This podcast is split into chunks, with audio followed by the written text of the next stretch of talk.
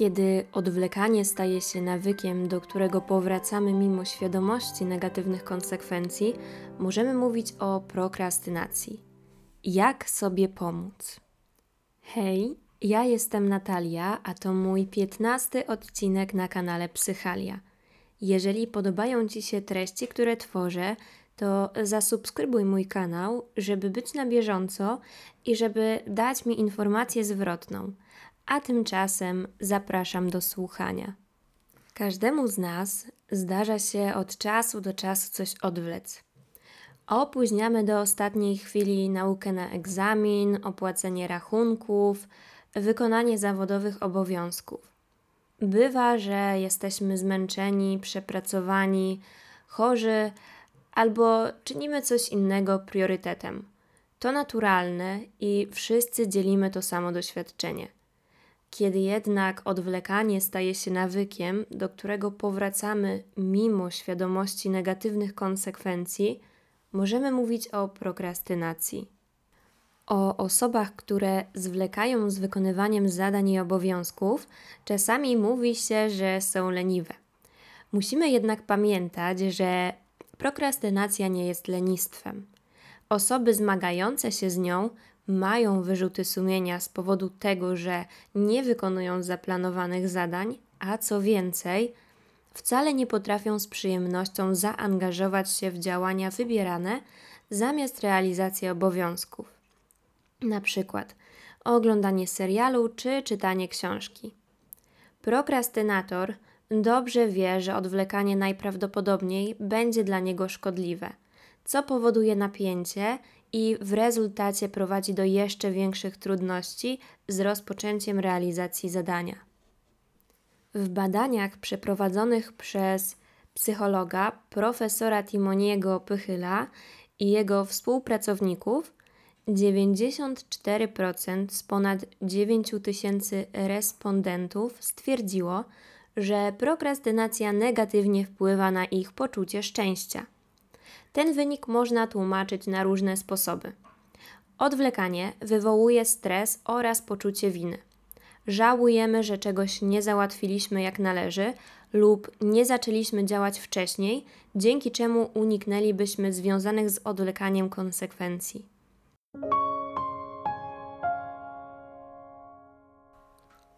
Jak możemy sobie pomóc? Po pierwsze, miej jasno wyznaczony cel. Zanim się do czegoś zabierzesz, zastanów się, po co to robisz. Zanim wstaniesz, zastanów się, jaki masz cel na dzisiejszy dzień, tydzień, miesiąc. Nic tak nie motywuje do działania jak przejrzysty plan i jasno określony cel. Rozpisz wszystko szczegółowo. Chcesz zmienić pracę? Zastanów się, co ci nie pasuje w obecnej, żebyś wiedziała, czego unikać, poszukując nowej. Ustal kroki, które musisz zrobić, aby zmiana pracy stała się rzeczywistością. Kiedy i gdzie zaczniesz szukać nowej? Przed złożeniem wypowiedzenia czy po? Zapisuj każde pytanie, które cię nurtuje i szukaj na nie odpowiedzi. Zrób plan, szczegółowy plan z datami, w które zamierzasz wykonać daną czynność. Masz do napisania poprawkę z przedmiotu. Zastanów się, czy potrzebujesz korepetycji, czy nie. Jeżeli tak, to poszukaj korepetytora. Wcześniej ustal budżet, częstotliwość spotkań, weź pod uwagę lokalizację. Jeżeli dasz radę sama, to rozpisz sobie naukę. Zanotuj każdy temat, który masz do przerobienia, przypisz go szczegółowej dacie. Będziesz wiedziała, czy musisz robić jeden temat dziennie, czy dwa. Będziesz wiedziała, czy wystarczy Ci czasu na powtórki, które są równie ważne. Jeżeli Twoim celem jest ukończenie studiów, a jest to cel dalekosiężny, warto go rozłożyć na małe cele. I warto pamiętać, że to właśnie jest to, do czego dążysz. Dążysz do ukończenia studiów. Pamiętaj o tym, ilekroć coś odciągnie cię od nauki. Planujesz dzień i zastanawiasz się, co w niego wcisnąć. Wciśnij w niego swój cel, czyli ukończenie studiów, czyli naukę na egzamin, albo czytanie książek związanych z ich tematyką. Niech Twój cel będzie dla Ciebie priorytetem. Po drugie, sprawdzaj się regularnie. Czy Twoja praca zmierza w kierunku, który sobie założyłaś? Rób podsumowanie dnia.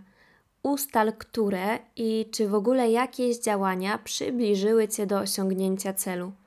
Zaplanuj też kolejny dzień. Dobra organizacja to podstawa i zaoszczędzi Ci wiele stresu. Po trzecie, rozbij zadanie na małe kroki. Chcesz napisać wpis na bloga. Siadasz przed pustą stroną i w sumie nawet nie wiesz od czego zacząć. Co chcesz dokładnie napisać, ile chcesz tego napisać, a jaką czcionką, a czy dodać jakąś grafikę, jakie wybrać kolory. Tyle tego, że aż się odechciewa. Dlatego dobrze jest poświęcić chwilę na organizację i rozpisać sobie zadanie krok po kroku. Najpierw znajdziesz interesujący temat i przygotujesz tekst na brudno. Masz już tekst. No to teraz możesz znaleźć grafikę, która będzie idealnie pasowała do tego, co napisałaś. Możesz zainspirować się innymi blogami. Kolejno, dobierz kolory, które będą określały Twoją markę. Krok po kroku, nic na szybko. Tylko jedno ziarnko piasku w jednej chwili. Tylko jedna sprawa w jednej chwili. Napisał kiedyś Dale Carnegie. Po czwarte, po prostu zacznij. Usiądź przed kompem i przejrzyj chociaż jedną stronę LinkedIna. Napisz jedną linijkę wpisu, zrób jedno zadanie z matmy. Zignoruj chęć wzięcia telefonu do ręki i scrollowania Facebooka. Najlepiej wycisz go i wyłącz internet, bo na pewno nie przybliży cię on do Twojego celu. Jeżeli masz gorszy dzień, to nie naciskaj na siebie i spędź przy swoim zadaniu absolutne minimum. Minimum jest zdecydowanie lepsze niż nic, bo minimum przesunie cię ten kawałek na osi z punktu 0 do punktu cel. Po piąte, oś czasu. Narysuj oś czasu i zaznacz na niej punkty, które musisz przejść, aby osiągnąć swój cel. Niezwykle satysfakcjonujące będzie nanoszenie na oś coraz to dłuższej przebytej drogi i tym samym coraz to nowszych kroków ku celowi. Eksperymentuj. Może być to oś, ale może być to tabela w Excelu, w której na zielono będziesz zaznaczała, co udało Ci się zrobić. Po szóste, naucz się pracować w skupieniu. Wytrenuj się w zauważaniu chęci oderwania się od pracy, by przeczytać wiadomości czy sprawdzić powiadomienia w telefonie. Wytrenuj się w nieuleganiu jej. Zaakceptuj dyskomfort i działaj pomimo niego. Przed pracą warto uporządkować swoje biurko oraz przestrzeń dookoła. Im więcej rzeczy na wierzchu, tym łatwiej jest się rozproszyć telefon w zasięgu wzroku, a to przeczytam raport z Trójmiasta. Brudne talerze na stole, a to tylko na chwilę wstanę i włożę je do zmywarki. Dokumenty na wierzchu. O, a co to było? Może warto by się tym zająć. Po siódme, wypracuj rutynę. Stałe pory pracy i rytuały wprawiające w skupienie to jedne ze skuteczniejszych sztuczek, dzięki którym możemy sobie pomóc. Rób sobie szklankę kawy i gdy ją skończysz, bierz się do pracy. Niech to będzie znak, że nadchodzi moment na skupienie. Możesz też medytować i tym wprowadzić się w stan skupienia. Dopasuj sposób do siebie i zachowaj kolejność. Rytuał wprawiający w skupienie, kolejno praca. Nie bez powodu zawodnicy sportowi mają swoją rutynę przedstartową. Rutyna przedstartowa to ułożony przez zawodnika ciąg czynności, które zawsze wykonuje przed zawodami. Myślisz, że przypadkowe pocieranie nosa przez sportowca przed rzutem wolnym do kosza, serwem, rozpoczęciem rozbiegu do skoku i tym podobne jest rzeczywiście przypadkowe? To jest część rytuału, zawsze powtarzanego mającego na celu uruchomienie określonej myśli, emocji, sytuacji. I to pocieranie nosa to jest właśnie Twoja przykładowa kawa wprowadzająca Cię w stan skupienia. Zastanawiasz się, czy na pewno ta rutyna jest Ci potrzebna. Otóż badania potwierdzają, że posiadanie rutyny przedstartowej może istotnie wpłynąć na jakość osiągnięć podczas zawodów. Eksperyment przeprowadzony w 2015 roku udowodnił, że gracze koszykówki, którzy nie mieli takiej rutyny, otrzymali gorsze wyniki w rzutach do kosza w porównaniu z grupą, która ją posiadała. Prawdopodobnie dzieje się tak dlatego, że wielokrotne powtarzanie czynności, którą wykonujemy świadomie, po pewnym czasie może wpłynąć na zmiany na poziomie kory mózgowej. O tym, że jeden nawyk może wyzwalać kolejny, wspomina James Clear w swojej książce Atomowe nawyki. Ciąg czynności składający się na rutynę przedstartową staje się sygnałem do właściwego działania. Twój mózg przyzwyczaja się do każdego scenariusza i potrafi sobie szybko poradzić, jeśli wystąpią pewne trudności. Rutyna ma spowodować, że rzut do kosza, bieg czy zanurkowanie staną się dla Ciebie automatycznym działaniem. Właśnie dlatego ważne jest, abyś też miała swoją rutynę przedstartową przed podjęciem pracy. Powtarzalne czynności są absolutnie kluczowe w rywalizacji, mówi David Colturi, który od 8 lat na stałe występuje w zawodach Red Bull Cliff Diving. Arystoteles powiedział: Jesteśmy tym, co w swoim życiu powtarzamy. Doskonałość nie jest jednorazowym aktem, lecz nawykiem. I to jest prawda. Kiedy będąc dzieckiem chcesz się nauczyć wiązać buty albo jeździć na rowerze, z początku możesz mieć z tym trudności. Ale w miarę jak to powtarzasz, zaczyna przychodzić ci to praktycznie bez namysłu i coraz bardziej perfekcyjnie. Mechanizm działania rutyny przedstartowej wykorzystują nie tylko sportowcy. Nie trzeba wcale daleko szukać, by znaleźć biznesmenów, którzy także rozpoczynają swój dzień w ściśle określony sposób. Steve Jobs codziennie rano zaglądał w lustro i zadawał sobie pytanie: Gdyby dzisiejszy dzień był ostatnim w moim życiu, czy chciałbym zrobić to, co zamierzam? Z kolei e, Bill Gates każdego dnia rano spędza godzinę na bieżni, jednocześnie oglądając filmy edukacyjne z różnych dziedzin wiedzy. Mark Zuckerberg codziennie zakłada taki sam szary t-shirt. Craig Newmark, założyciel Craigslist, rozpoczyna swój dzień pracy od obsługi klienta. Między innymi odpisuje na maile z zażaleniami. Ron Friedman, założyciel Ignite IT, każdego ranka przez 10 minut analizuje zadania, które stoją przed nim tego dnia i tworzy jego scenariusz. Myślę, że punkt siódmy związany z rutyną mamy już omówiony, więc teraz przejdziemy do y, punktu ósmego. To znaczy priorytety na początek. Już o tym mówiłam, ale przypomnę, że dobrze, abyś jasno określiła swoje priorytety i przesunęła je na początek dnia. Punkt dziewiąty. Nie zrażaj się porażkami. W kalendarzu masz wszystko pięknie zanotowane. Jako, że Twoim celem jest wyrzeźbienie sylwetki na lato, to już na godzinę szóstą masz zaplanowany trening. Ale coś tu nie gra.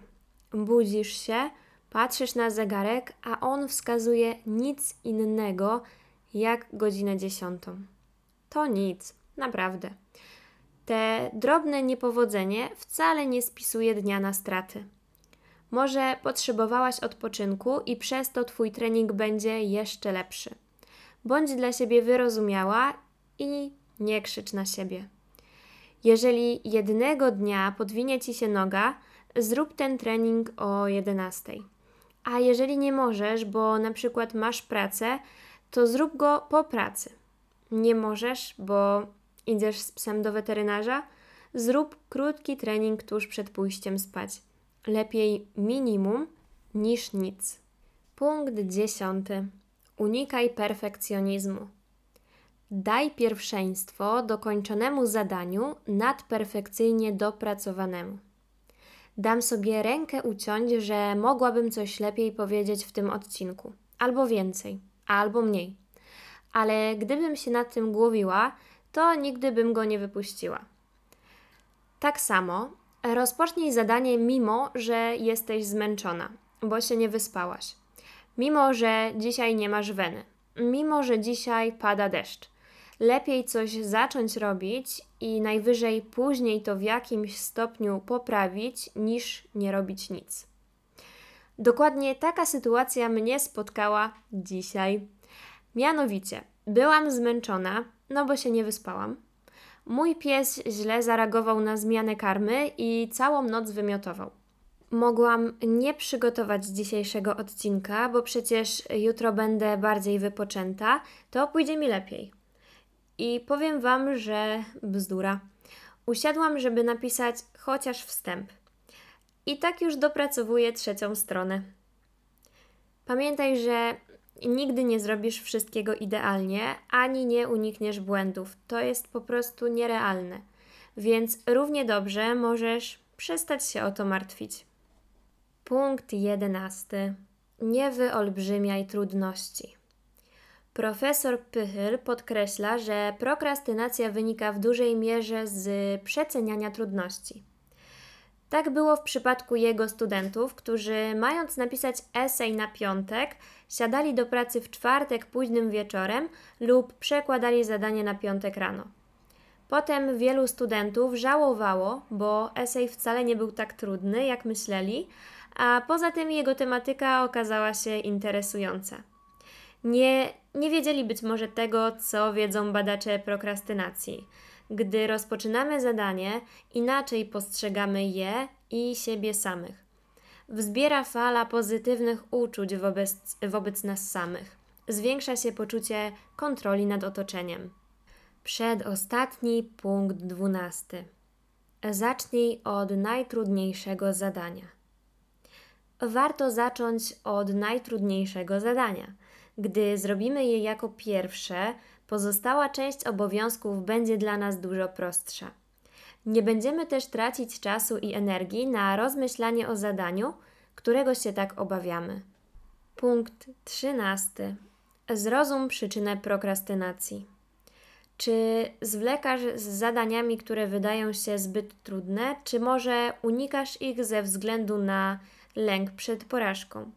Może przyczyną jest brak motywacji lub nierealistyczne cele? Analizując swoje zachowanie, możesz zidentyfikować główne czynniki prowadzące do prokrastynacji i skoncentrować się na ich rozwiązaniu. Bardzo dziękuję za odsłuchanie. Dajcie znać, czy odcinek się Wam podobał Wasza opinia jest dla mnie niezmiernie ważna, gdyż chcę tworzyć treści, które będą Wam odpowiadały. Zapraszam Was również na mojego Instagrama natalia.n, do którego link znajdziecie w opisie. Tak samo jak do mojej strony internetowej psychalia.pl, na której znajdziecie wpisy dotyczące samorozwoju, psychologii, książek, takie uzupełnienie do podcastu.